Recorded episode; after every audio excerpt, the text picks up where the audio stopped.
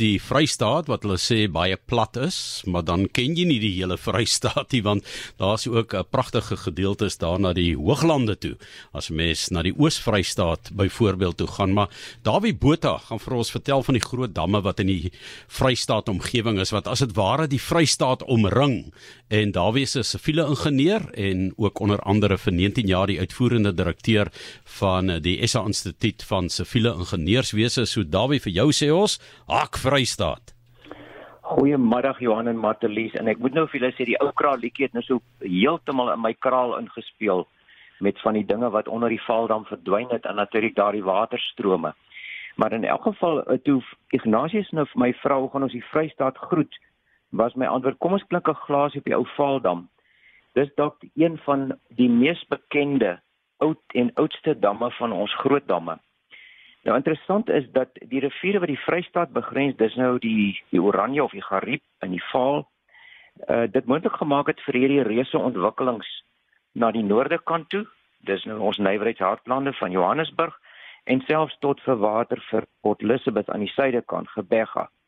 Maar terug na die Vaaldam. Ek het nou die dag weer 'n pragtige boek oor die dam en sy geskiedenis uit my rak gaan haal. Dit het op die bodem van die Vaaldam. Nou sal mense seker wonder hoekom daaroor praat.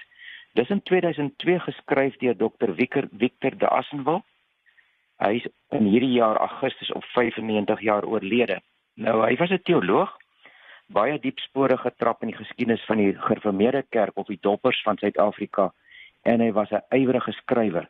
Nou sy geboorteplek was in die kliphuis op Sandfontein wat deur sy pa gebou is op die plek wat vandag bekend is as die uh UJ Eiland, vroeër Rau Eiland Dis 'n eiland in die Vaaldam wat ontstaan het toe die dam nou gebou is.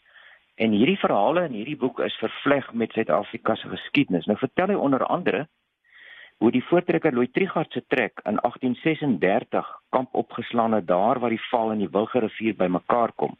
En dis nou net die plek waar die dam gebou is uiteindelik. In 1850 was daar ook 'n baie interessante gebeurtenis toe 'n sekere Hendrik Roots saam met eh, 'n uh, landmeter, dit was verplig, saam met hom met sy perd 'n plaas afgejaag het. Nou soos die gebruik was, moes jy binne 'n halfuur die grense van 'n plaas uitry of omry by wese wyse van spreuke.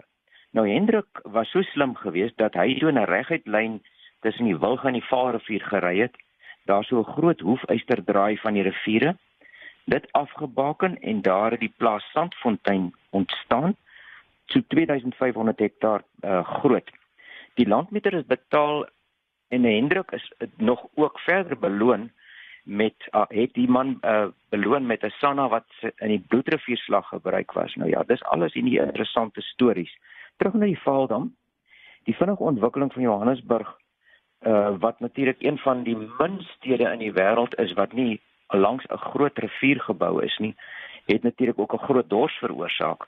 Nou in 1903, selfde tyd toe SAICI gestig is, het die Randwaterorganisasie ontstaan en in 1920 het hulle die Vaal Barrage keerwal gebou wat natuurlik vandag nog daar is. Dors was groter en groter en die Vaal dan met hierdie volgende antwoord geword, juis soos ek sê daar waar die Bulge en die Vaal op die plaas Sandfontein saamvloei. Hierdie uh, dam is so 500 meter lange massa betonwal en dan nog 'n grondwal wal van so amper 2 km, so 2.5 km wal. En dit dit is nou ook deels omdat dit so 'n bietjie platterig is daar. Daar's nie 'n diep vallei waar die dam gebou kon word nie. Dit was bitter swaar tye na die Anglo-Boereoorlog, die Rinderpes, die Eerste Wêreldoorlog, die Groot Depressie en die regering van daardie tyd het damme en keerwalle uh as werkskepingsprogramme uitgerol, soos ons nou vandag sê, hoop is die regte Afrikaans om besproeiingsskemas te te skep uh vir vir die arme mense wat wat uit hulle plase was ensovoorts. En uiteindelik het het iets soos 1000 manne werk gekry. Was net manne hoor op daai stadium. So dis nou die die die maand van vroue ook hierdie maand, maar dit was net manne om die valdam te bou. En vandag se geld was hulle daaglikse loon so 20 sent. Die dam is in 38 voltooi, 1938. En dieselfde jaar het daardie dam oorgeloop eintlik 'n fantastiese uh, belewenis glo ek.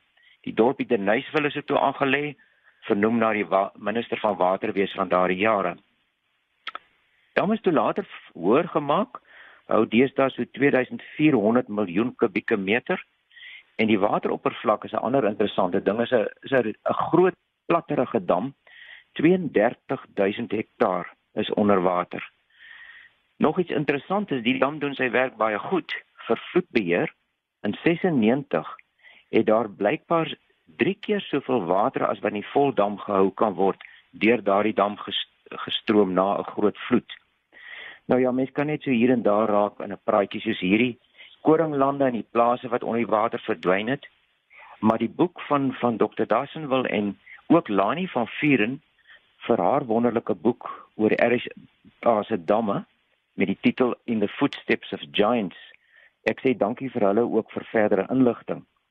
Inderdaad is dit 'n huldeblyk aan pioniers en voorlopers wat ons land aan die gang hou. So dis gegroet met 'n heildronk op Vrystaat en die Vaaldam, bron van water, vloedbeheermeganisme vir die Nereval en nie minste nie, waterfront vakansies, visvangparadys, speelplek vir plesierbote en daar was selfs 'n landingsplek vir vliegbote uit uit Brittanje in die jare her. Dit is inderdaad 'n uh, 'n uh, wonderlike dam daarin